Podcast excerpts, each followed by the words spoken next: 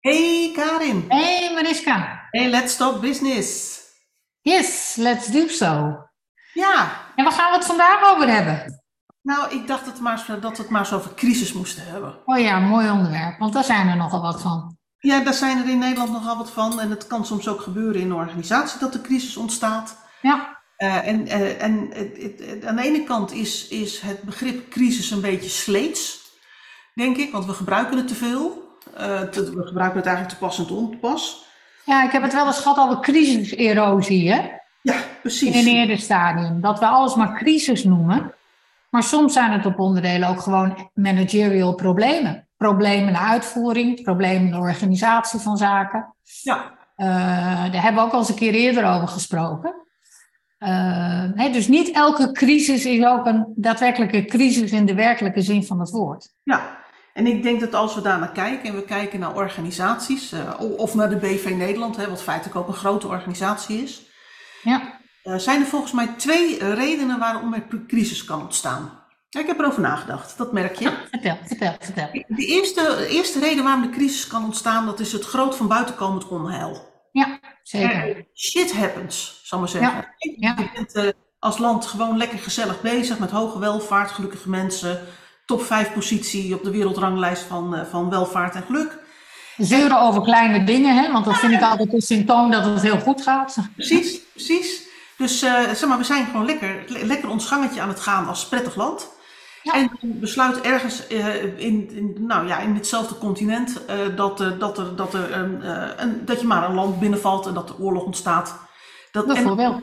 en dat heeft effect op wat wij hier doen. Ja, Dat hebben we natuurlijk gemerkt hè, het afgelopen jaar. Vorig jaar al. Merken we nog steeds. Eh, dat is, ik noem dat maar, dat is crisis die ontstaat door groot van buiten komend onheil. ja, Heb je geen vat op, het overkomt je en daardoor ontstaat de crisis. ja. Corona ook een mooi voorbeeld, hè? Corona ook een mooi voorbeeld. Ja, Tweede, tweede reden waarom er crisis kan ontstaan, is als je problemen niet oplost. Ja, Want dan ga je, of je gaat alleen symptomen bestrijden. Hè? Dus je gaat een eh, pleistertje plakken, je gooit er nog eens een pilletje in. eh pleistertje raakt los, nou doen we een ander pleistertje erop. Nou, voor de zekerheid zorgen dat hij niet weer was, doen we er nog een pleistertje overheen. ja, doen we maar een pilletje bij, oh, zalfje erover. Ja. dat, hè? dus we, we, we lossen het probleem niet op, maar we blijven maar pleisters plakken. ja, klopt. En, en onder, die, onder al die pleisters begint dat, dat wondje begint gewoon te etteren. Ja, En op een gegeven moment eh, eh, zijn al die pleisters die je erop geplakt hebt, die, die, die, die dempen niet meer de, de, de, de, het etteren en de rotting die eronder zit. nee. Het is niet voor niks, hè, dat we een spreekwoord hebben. Zachte heelmeesters maken stinkende wonden. Ja, precies. Het komt ergens vandaan. Ergens vandaan. En, en, en dan ontstaat, op het moment dat dat gebeurt, ja, dan heb je dus ook crisis. Ja, Het is wel een crisis die je zelf veroorzaakt hebt hè, eh, in, in de bron, maar het is wel een crisis. absoluut. En, en, en dan, eh, eh, dan hebben we ook nog te maken met iets, hè, want wij, het woord crisis doet iets met ons. Hè? Op Ja, het moment dat, je, dat ik zeg van, joh, luister Karin, eh, hè, wij zijn samen de directie van DNS, wij hebben crisis, dan zit dat wat anders dan dat ik tegen je zei, ik moet een ideetje met je bespreken. ja, De, hè, het is, de toon is iets anders en dus ook de manier waarop we ermee omgaan is anders. ja. Dat is ook wat jij zegt, dat woord crisis is een beetje sleets. Omdat we dat, dat label overal maar op plakken. Maar ik wil het toch even met je hebben van, eh, eh, wat, wat, wat doe je nou als het echt crisis is? Ja, vind ik mooi. Nou, laten we, dan, laten we dan ook nog even teruggaan naar. En wa- want waarom vind ik het belangrijk om te noemen dat het woord een beetje sleets is of aan erosie onderhevig? Omdat ik het idee heb dat met het, met het noemen van het woord crisis we in de actiestand komen. Ja? Het is een soort van alarmering, waarbij wij collectief als volk alerter worden, beter na gaan denken, bewuster worden en daarmee gaan kijken naar oorzaken om die weg te nemen om zodoende de crisis op te lossen. Collectief met elkaar. Als je dat, nee maar wacht even, als je dat woord nou vaak genoeg noemt, dan, dan gaat die alertheid eraf. Want immers alles is crisis. nou, ik, En als- ik ben het ook niet met je eens dat, dat, dat we daar een collectieve, zeg maar, een collectieve, collectief gaan nadenken over acties. Ik denk namelijk dat op het moment dat het crisis is, en ik denk dat je gelijk hebt, dan hè, dat is bedreigend. Dus er moet iets gebeuren. En ik denk dat wij dan terugvallen op onze hele primitieve systemen. Namelijk we vluchten, we bevriezen of we gaan vechten. Ja, maar dat is wel, we komen tot actie. Er wordt iets gealarmeerd in ons interne systeem met het woord crisis. Wat maakt dat je in een bepaalde gemoedstoestand komt. En daar ook bewust of onbewust gedrag aan verbindt. Ja, eens. Corona werd afgekondigd, we gingen toiletrollen kopen. Een beetje gek voorbeeld, maar dat Ja, was wel wat er in ons getriggerd werd. Ik, ik denk namelijk dat, dat het, eh, ik ben het helemaal met je eens, crisis eh, eh, activeert actie. Ja, En actie activeert ons gedrag. ja. Ik denk alleen niet dat dat gedrag voortkomt uit rationeel denken. Nee, maar dat is ook niet wat ik zeg. Oh, oké, dat had, dan heb ik het daar verkeerd in begrepen. Nee, daar heb jij eh, een, een oordeel gehad, maar dat is niet wat ik zeg. Ik zeg dat er iets getriggerd wordt, waardoor wij gaan bewegen. Maar tegelijkertijd, als je dat symptoom, want het is net Pavlov, als je dat woord maar vaak genoeg gebruikt, ja, dan komt er ook iets in ons, is het alweer crisis, moet ik alweer in actie komen. Nou, ik heb het maximaal gedaan, ik weet niet meer waar ik moet beginnen. En dan ontstaat er reactiviteit. En dat kan een gevaarlijk signaal zijn, want als het echt crisis wordt, de Russen vallen ook Nederland binnen, zitten wij in de reactieve stand. Ja, ja, dat klopt. Bewust of onbewust. Dus het vaak gebruiken van het woord crisis door overheid, eh, gezagsdragers, eh, journalisten, et cetera, noem maar op. eh, daar schuilt een gevaar in waar men zich onbedoeld, on, onbewust eh, en onbedoeld eh, te weinig van bewust is. Nee, dat denk ik ook. Maar goed, Is we nog hebben nu wel een dikke crisis te pakken. Ja, dus de, de, de vraag is wel, nou is het crisis en, en, en wat nu? Ja, Nou ja, kijk, als het een groot van buitenkomend onheil is, dan denk ik dat, dat in de actiestand schieten over het algemeen al genoeg is om dingen teweeg te brengen. Nou ja, en dan zou enige coördinatie en visie die daaraan vooraf gaat wel welkom zijn. Hè? Dat zou, zou, zou wel meewerken. Ja, zou wel meewerken om dat, om dat acteren en dat gedrag ook een beetje te kanaliseren. Ja. Net wat jij zegt, het is niet altijd rationeel gedrag. Hè, dus dat betekent dat er ook gekke sprongen gemaakt kunnen worden. En om dat een beetje te kanaliseren en goede banen te leiden, is het wel handig dat er een visie aan ten grondslag ligt hoe die crisis op te lossen. Nou, of in ieder geval waar je naartoe wil. Ja, Dat, dat, en ik- En ik denk dat jouw voorbeeld een hele mooie is, omdat je hiermee één crisis pakt. Hè? Eén van groot van buitenkomend onheil. Ik denk waar we nu in zitten, dat er zoveel pleisters geplakt zijn op zaken die no- niet noodzakelijkerwijs een crisis al waren. Maar dat door dat dooretteren van al die problemen en situaties waar maar niet fundamentele oplossingen van eh, voor gezocht worden, dat dat gezamenlijk heeft, is geresulteerd nu in één grote crisis. en die heeft verschillende bronnen en verschillende plekken waar die. Ja. We, hebben- we hebben allemaal pleistertjes geplakt, dus soms hetzelfde pleistertje op verschillende, op verschillende plekken. Ja, Eh, en uiteindelijk is, is er iets ontstaan wat met elkaar zeg maar, onoplosbaar is. ja. En, en, dit, en, dit- en ik vind het een heel mooi voorbeeld wat je hebt bedacht, een mooi onderwerp om ook over te spreken, omdat juist dit we ook wel in organisaties zien. Hè? Ja, en dat, dat was ook toen ik hier over dit onderwerp nadacht. eh, ik, ik moest meteen denken aan, een, eh, aan, een, eh, aan een, een van de jobs die ik heb gehad in het verleden. Ik werkte bij een organisatie waar we voor verschillende klanten inkochten. speci- bedrijfsspecifieke dingen inkochten. Ja, Eh, en dan moet je denken aan eh, bedrijfskleding. met logo's, eh, Ja. formulieren en brochures. Ja, die hadden we toen nog allemaal. Ja. Met allemaal fysiek gedaan, maar dat is allemaal bedrijfsspecifieke informatie, bedrijfsspecifieke producten, relatiegeschenken. ja, maar we deden ook productiemiddelen die specifiek waren voor bepaalde processen. Die kochten we ook in. En die hadden we op magazijn liggen en die eh, konden, zeg maar, eh, de, de, de, de organisaties die daar gebruik van moesten maken, die konden dat dan bij ons bestellen en dan leverden wij dat uit. Dus Ja. wij hadden zeg maar de centrale inkoopafdeling voor bedrijfsspecifieke zut. Nou, ik, eh, ik werd daar manager marketing en verkoop. Een leuke job, dus ik mocht klanten werven voor dit geheel. Ik mocht de relaties onderhouden met die klanten. En ik moest zorgen dat de verschillende decentrale eenheden van die klantenorganisaties bij ons konden bestellen en dat wij dan uit konden leveren.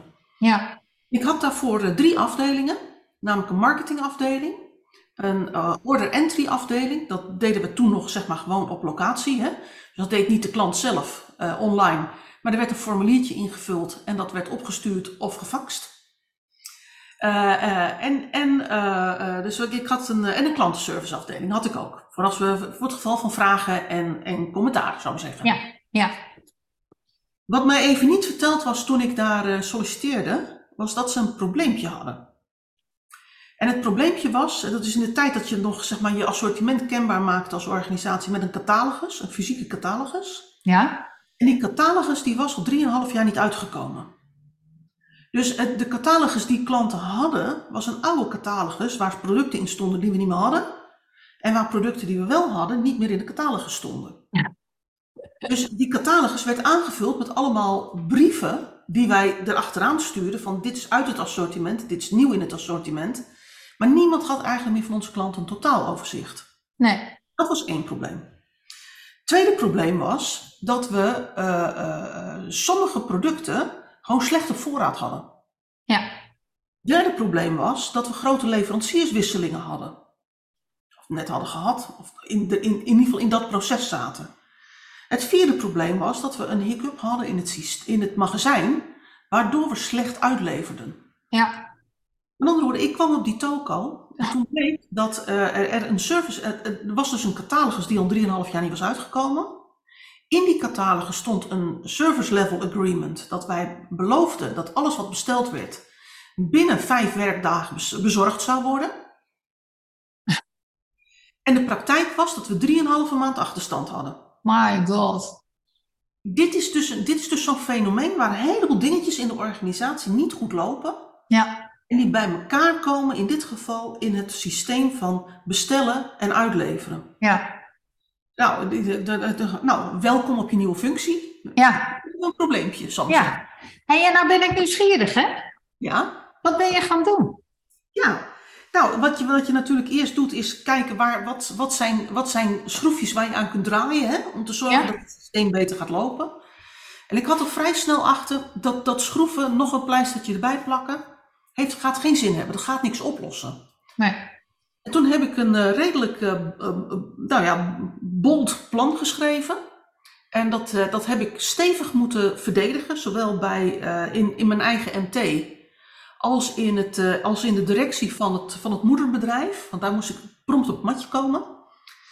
En mijn plan was, wij informeren onze klanten dat we een leveringsprobleem hebben. Nou, daar ging die eerste stress. Ja, maar dat kunnen we niet zomaar zeggen. Nou, ik, jongens, even serieus. Onze klanten weten het al. Ja, ze hebben het al gemerkt. Ze hebben het al gemerkt. Um, uh, nou, dus dat, we informeren onze klanten dat we een probleem hebben. Wat we vervolgens doen, we informeren onze klanten dat we op vrijdagmiddag om 4 uur het systeem uitzetten. En dat we op vrijdagmiddag om 5 uur het systeem weer opstarten. En dan is, zijn alle bestellingen die erin staan, die zijn eruit. Ja. We gaan het hele weekend doorwerken om te zorgen dat die dingen die ze nodig hebben op maandag, dat die er maandag ook zijn. En dat kan alleen als je klanten je erin geloven dat, je, dat, je, dat, je, dat het menens is. Hè? En ook dat ze niet meer vragen dan ze nodig hebben. Ja, en had je dat van tevoren gecheckt op haalbaarheid? Nou, eigenlijk niet. Oké. Okay. Maar weet je, het maakt er niet zoveel uit, want het was al een puinzooi. Ja. Ja, ik wist natuurlijk dat als we het systeem uit zouden zetten, dat we al onze orders kwijt zouden zijn. Ja. Wist ik. Dus dat had ik wel, dus zeg maar, of, of het uitvoerbaar was, dat heb ik gecheckt. Ik heb niet eerst bij klanten gevraagd, vinden jullie dit een goed idee? Nee. Want die vinden het namelijk niet een goed idee, die willen gewoon hun spullen hebben. Ja. We hebben een mail gestuurd, nou toen we er uiteindelijk zeg maar, intern over eens waren, hebben we een mail gestuurd, van een, een fysieke mail, hè, want dat ging toen nog op die manier. Uh, hebben we gestuurd naar uh, een brief dus. ik zit opeens te denken van, we een ander woord mail. een brief. Ja, daar hadden we een ander woord voor, een brief. Zo'n ding uit de vorige eeuw. Dat was ook in de vorige eeuw. Uh, ja. Een brief. Hoe je zelf al besmet kunt zijn met dit soort dingen. Dus we stuurden een, een brief naar onze klanten en, en dat was feitelijk onze oproep. Plaats nou bij ons de bestelling die je nodig hebt op maandag, uiterlijk op dinsdag, maar niet meer dan dat. Want wat er gebeurde is dat mensen bijvoorbeeld onze formulieren nodig hadden voor hun core business. Ja, Dat wij onregelmatig en, en langzaam leverden, bestelden ze gewoon twee of drie dozen extra van die formulieren. ja, Dus behalve dat wij een leveringsprobleem hadden en dat wij onze voorraden zeg maar, niet onder controle hadden, stonden er enorme voorraden decentraal. En mensen waren alleen maar aan het bufferen. Oh, jullie Ja. hebben nu pennen, dan bestel ik nu pennen. En dan in een ongelooflijke hoeveelheid, zodat op het moment dat die orders binnenkwamen, bij ons meteen het magazijn weer leeg was. ja, Maar dat is, dat, dat is het opzwepende effect wat je met elkaar bereikt. Dus, dus we hebben uitgelegd wat er aan de hand was. We hebben uitgelegd wat we gingen doen. We hebben tegen de klant gezegd, dit gaat alleen maar lukken als jullie je houden aan deze spelregels. Met andere woorden, zorg dat wij vrijdags jullie orders, eh, orders hebben voor wat jullie dinsdag, maandag en dinsdag nodig hebben. Ja. Die gaan we uitleveren. En dan gaan we ook weer gewoon binnen vijf werkdagen alles leveren vanaf dat moment. Want we beginnen schoon dan. ja, Nou, dat is natuurlijk heel erg spannend, hè? Dus eh, Ja. de- dus, eh, donderdag beginnen we al, de, we hadden een nieuw orderformulier gemaakt. Ja, formulier, hè? Die hadden we meegestuurd. Die hadden we natuurlijk anders, een andere layout gegeven dan onze oude. Dus de oude die hebben we gewoon op de stapel gelegd. Zo van, nou, dat kan meteen verschrot worden. En die nieuwe, die hadden we neergelegd. En ik had Ja. gezorgd dat ik genoeg handjes had om orders in te kloppen. ja, Ehm, en op vrijdagmiddag om vier uur heb, is het systeem uitgegaan. Iedereen was van de organisatie, die enigszins de organisatie kende, was opgeroepen om dat weekend te werken. ja, We hebben op vrijdagmiddag de, de, de, de systemen weer aangezet. We zijn begonnen met het invullen van orders, inkloppen van orders. En op vrijdagavond stonden de eerste pakketjes om te versturen klaar. wel stoer. Dat is, dat is stoer, maar ik ben ervan overtuigd dat het ook de enige manier is om uit een echte crisis te komen. Een crisis die vanuit het, vanuit het systeem zelf komt. Hè? Ja, Dat is wat anders dan een crisis die door een externe, van buitenkomend onheil ontstaat. ja, zeker is heel anders natuurlijk.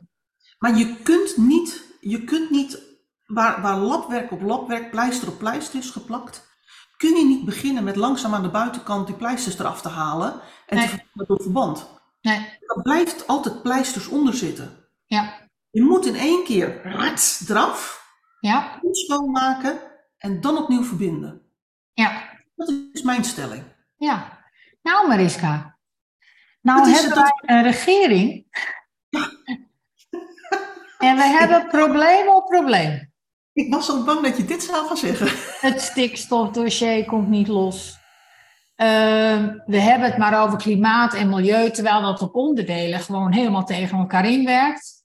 Ehm, iedereen heeft het over van allerhande maatregelen eh, versus ook de problematiek van uitkoop van boeren, wel of niet. Hè?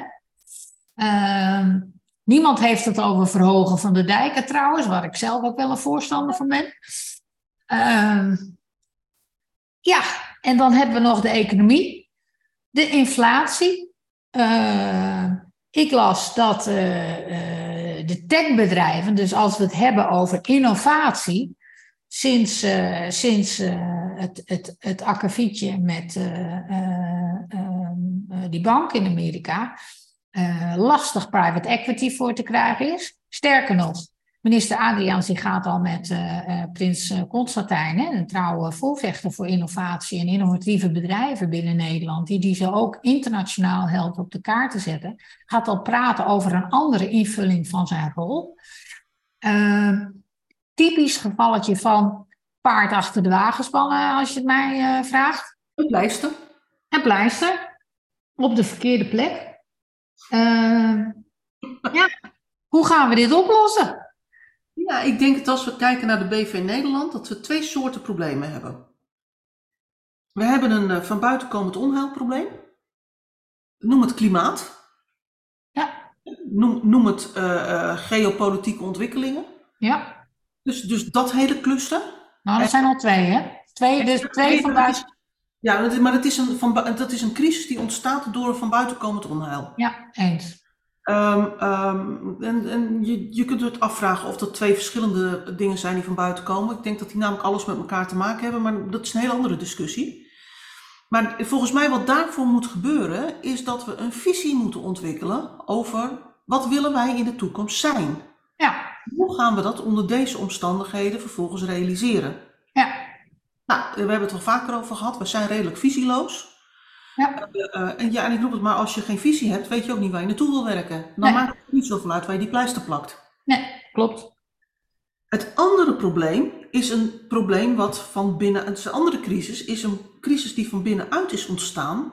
Namelijk dat wij, eh, als het gaat over de relatie tussen overheid en burger, over hoe financieren wij en hoe, hoe financieren wij de overheid?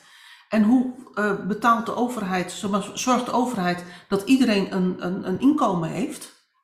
Eh, en overigens ook een huis en dat soort zaken.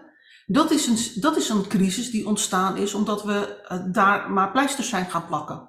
Ja, En de pleister die wij als, als Nederland het liefste plakken, heeft te maken met inkomenspolitiek.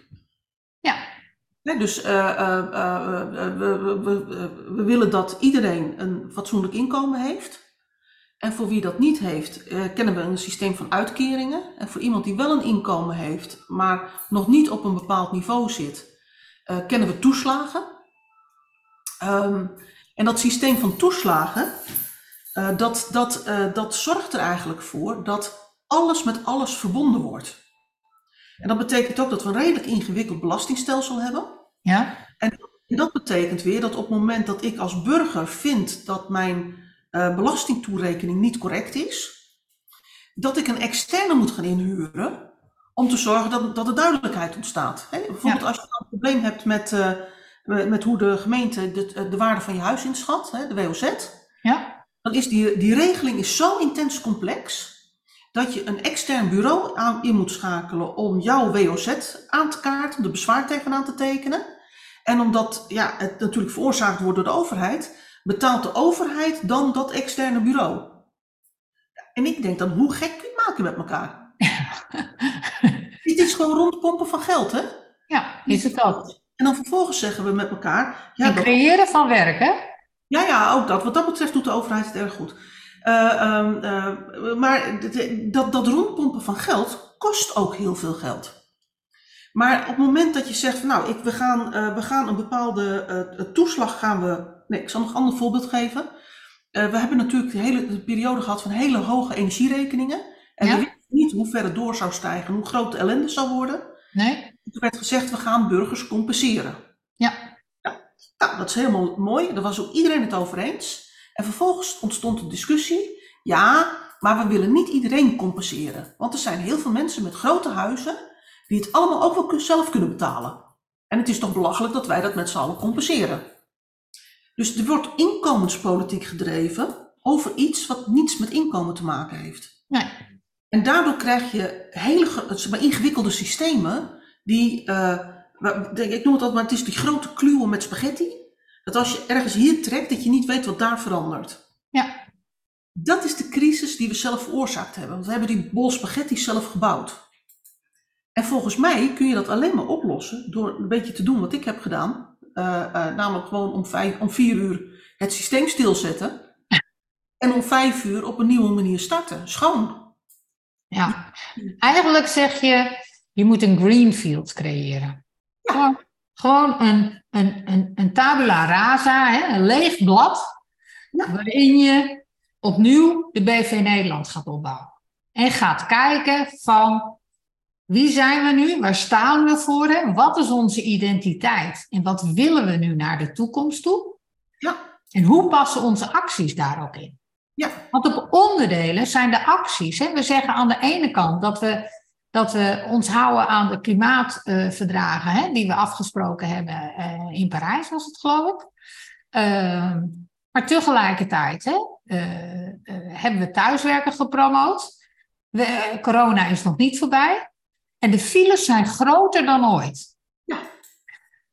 En weer wordt de discussie gevoerd ja, hoe moeten we nou wegen bijbouwen in het kader van de stikstofpolitiek? Want we moeten ook woningen bouwen en die boeren die dragen ook bij aan de stikstof. En de stikstof moet naar beneden.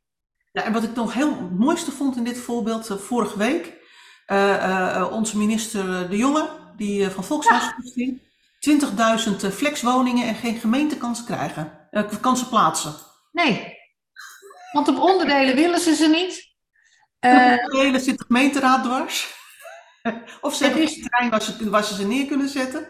Nou, die, die de jongen die heeft wel een, een, een, een historie op het aankopen van zaken waar we uiteindelijk niks mee kunnen. ik zal het verder niet noemen welke zaken dan nog meer niet. Maar er zijn toch ook ettelijke miljoenen in zitten. Ja, even tussendoor hoor. Ja, maar ik, ik, ik denk dus inderdaad dat je... Dat ik stel voor dat we de jongen niet meer inkoper gaan maken van het kabinet. Misschien verkoper, maar inkoper doen we niet. Ja, nou, we gaan even terug naar onze crisis. Ja, tabula rasa, clean slate, hè? Dus, en als je dan ziet dat er toch weer gesproken wordt over die files en het creëren van, uh, van asfalt, van beton. Uh, terwijl de bruggen op onderdelen gewoon naar beneden komen, zo slecht worden die onderhouden. Omdat er eenvoudigweg geen geld is. Uh, dan denk ik, hoe is dit nou toch in godsnaam mogelijk? Als je visie had en je zou zeggen van ja, klimaat is nummer één. Hè? Het hoeft wat mij betreft niet klimaat te zijn, nou ja, liever wel. Maar hè, stel, klimaat is nummer één in, in, dat nieuwe, in dat nieuwe Nederland. Ja, dan zou je de discussie over het voeren van, uh, van nieuw beton toch helemaal niet meer voeren. Dan, uh, dan gaan we het toch hebben over het verplicht stellen van, uh, van thuiswerkdagen. En we gaan het hebben, à la Duits model, over het invoeren van een OV-kaart voor iedereen tegen 25 euro per jaar of zo. Nee, maar onze overheid heeft in al haar wijsheid iets anders besloten. Die gaat een driejarige reclamecampagne voeren om ons als burgers te, te bewust te maken dat wij uh, afstanden uh, tot 7,5 kilometer rondom onze woning eigenlijk beter met de fiets moeten doen. Ja, dat zeg ik ook altijd tegen mijn kinderen. En die zijn zich heel bewust, maar toch hebben ze handig gedrag.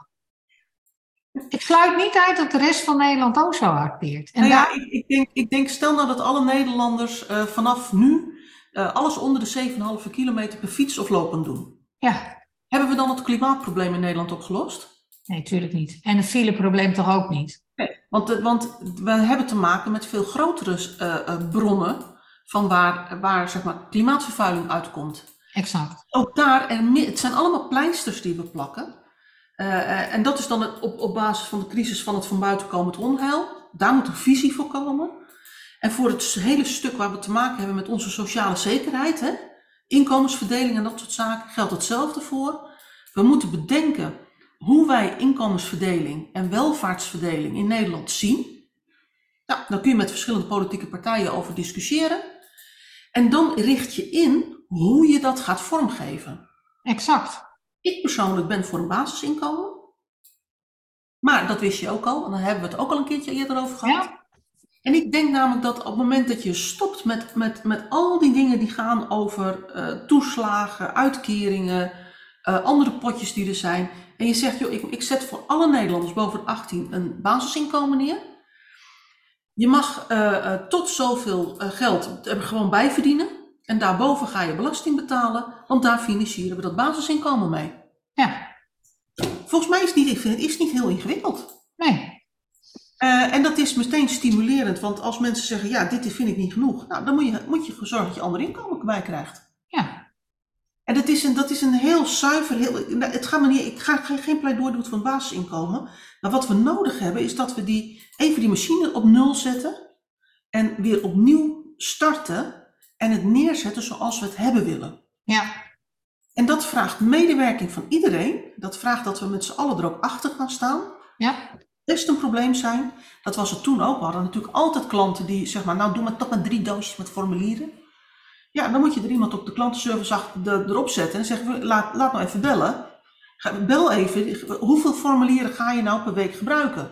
Ja. Stel je dat ik je niet voor een week, maar dat ik je voor drie weken formulieren stuur. Dan schrap ik die orde voor die drie doosjes, krijg je van mij een half doosje. Kun je drie weken vooruit. Ja. En dus je moet met elkaar daar ook in alle redelijkheid over kunnen praten. Maar ik denk dat wij grosso modo gewoon een redelijk land zijn. Ja, dat denk ik ook. En ik denk dat dat uh, ook wel eens zou kunnen leiden tot uh, een hogere uh, activiteit, een grotere creativiteit En daarmee ook een groter welzijn voor iedereen. Maar ook de mogelijkheid om te zeggen van, nou, ik heb in ieder geval een basisinkomen. Ik vind het belangrijk om eens even wat andere dingen te doen. Bijvoorbeeld te zorgen voor mijn ouders. Of uh, meer aanwezig te zijn bij mijn opgroeiende kinderen. Of ik, wil mezelf eens, ik wil mezelf weer eens een keer ontwikkelen. ik ga terug naar de schoolbanken. dus allerlei mogelijkheden die, die zo'n inkomen geeft. En ook wat een kosten gaan we besparen in het kader van uitvoeringsorganisaties, maar ook procedures bij rechtbanken, omdat de regeling gewoon eenvoudiger wordt. Ja, en dat, en dat zou ook een, een, een, tijdelijke oplossing kunnen zijn voor het probleem op de arbeidsmarkt. Ja, en weet je wat ik nou nog toe wil voegen voor, uh, voor het ontstaan van, van die crises, hè? die met name binnen uh, zitten. Dus die kleine etterige dingetjes die steeds groter worden. Weet je wat daar een grote oorzaak van is? Nou? Het niet in grote lijnen kunnen denken. Ja, en, en geen verantwoordelijkheid nemen om stelling te nemen ergens in. Ja, want jouw voorbeeld hè, van uh, iedereen die nou 7,5 kilometer zou kunnen fietsen heeft geleid tot een regeling voor de elektrische fiets. Uh, waar mensen met fiscaal voordeel bij hun werkgever uh, een elektrische fiets kunnen kopen. En, en dat, dat heeft natuurlijk dat heeft impact op het moment dat je de uh, fiets gaat gebruiken en de auto inruilt. Ja. Maar wat zie je? Dat die regeling met name gebruikt wordt door mensen die, die toch wel redelijk kapitaalkrachtig zijn, die een fiets hebben, maar die nu inruilen voor een elektrische fiets. En daarmee wordt het milieu alleen maar zwaarder belast. Ja. Op, op kosten van de belastingbetaler.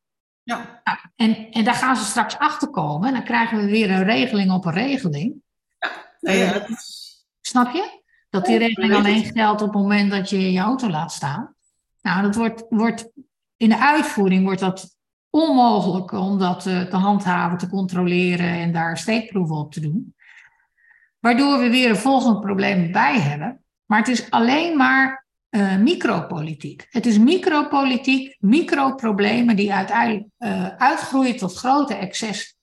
Dus het vermogen om groter te denken, en niet klein denken. Bijvoorbeeld de afhandeling van Groningen. Of de afhandeling van de toeslagenaffaire. Uh, waar we het ook al eens een keer over gehad hebben.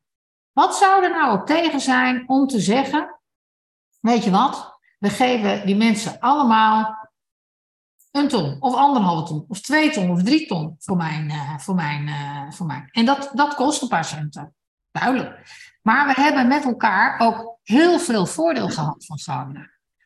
En er zullen ook ongetwijfeld mensen zijn die dan meer ontvangen dan dat ze schade hebben gehad. En abstraheer ik even van de immateriële schade. Maar hoe erg is dat?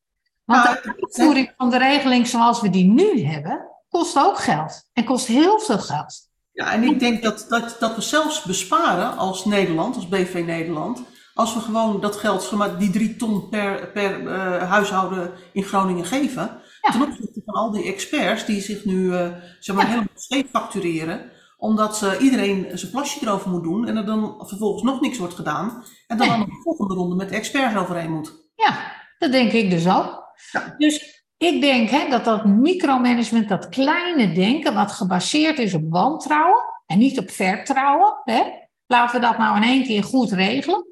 Want dat zijn wij verplicht aan onszelf. En dat zijn we verplicht aan die mensen.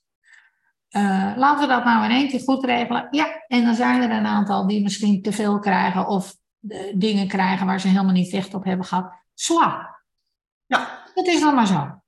Maar volgens mij, hè, als ik, want we, we zijn al over het half uur heen. heen uh, als ik voor mezelf kijk, terugkijk naar, naar deze discussie. Er zijn twee bronnen van crisis. Van buiten komend onheil. En van, het, van binnenuit pleisters plakken op zere plekken. Ja. Uh, niks symptomen. Maar symptoombestrijding doen. Ja. Uh, als, het een, als het gaat over uit de crisis komen en het is een van buiten komend onheilcrisis, dan is het belangrijk dat je een visie ontwikkelt over wat wil je nou eigenlijk. Ja. Dus structureel stappen gaat zetten die je gaan helpen om weer uit die crisis te komen, naar de plek waar je wilt zijn. En als het een uh, crisis is die ontstaan is van binnenuit, hè, dus die, die, die, de, de, de etterende plekjes, die inmiddels open swerende wonden zijn geworden. Uh, mijn advies is echt, echt eventjes dus het systeem uitzetten. Van tevoren nadenken hoe je het weer aan gaat zetten. En wat je dan gaat doen. Hè? Dus dat je niet hetzelfde systeem ook weer aanzet. Maar dat je dan een schoon systeem maakt op basis van. En zo willen we in, in anno nu werken. Ja, en ik denk wel dat we daar aan toe moeten voegen dat zo'n zo crisis waarin maar pleisters geplakt zijn op symptomen, waardoor de crisis feitelijk niet een niet meer te ontwarren kluwe spaghetti is, hè? dat je, dat je uh, zeg maar het signaal zou moeten zijn dat als je ergens een draadje beetpakt, dat een ander draadje weer verschijnt of er weer uitsteekt, zodat je nooit tot oplossingen komt, maar elke oplossing ook een nieuw probleem creëert. Ja. Dat is het moment dat je zou moeten zeggen van nou, creëer nu een tabula rasa, zet het, zet het probleem uit, hè? Maak een, een, een, een greenfield en bouw een nieuw uh, bedrijf op. Uh, of althans, probeer je visie te vormen op de creatie van een nieuw bedrijf en ga daarmee je processen inrichten. Yes. Nou, nou. we hebben het opgelost. ja, ik vind dat we dat best goed doen in een half uur. Dat bedoel ik. Het probleem is opgelost. In ieder geval de aanpak ligt er. Ja.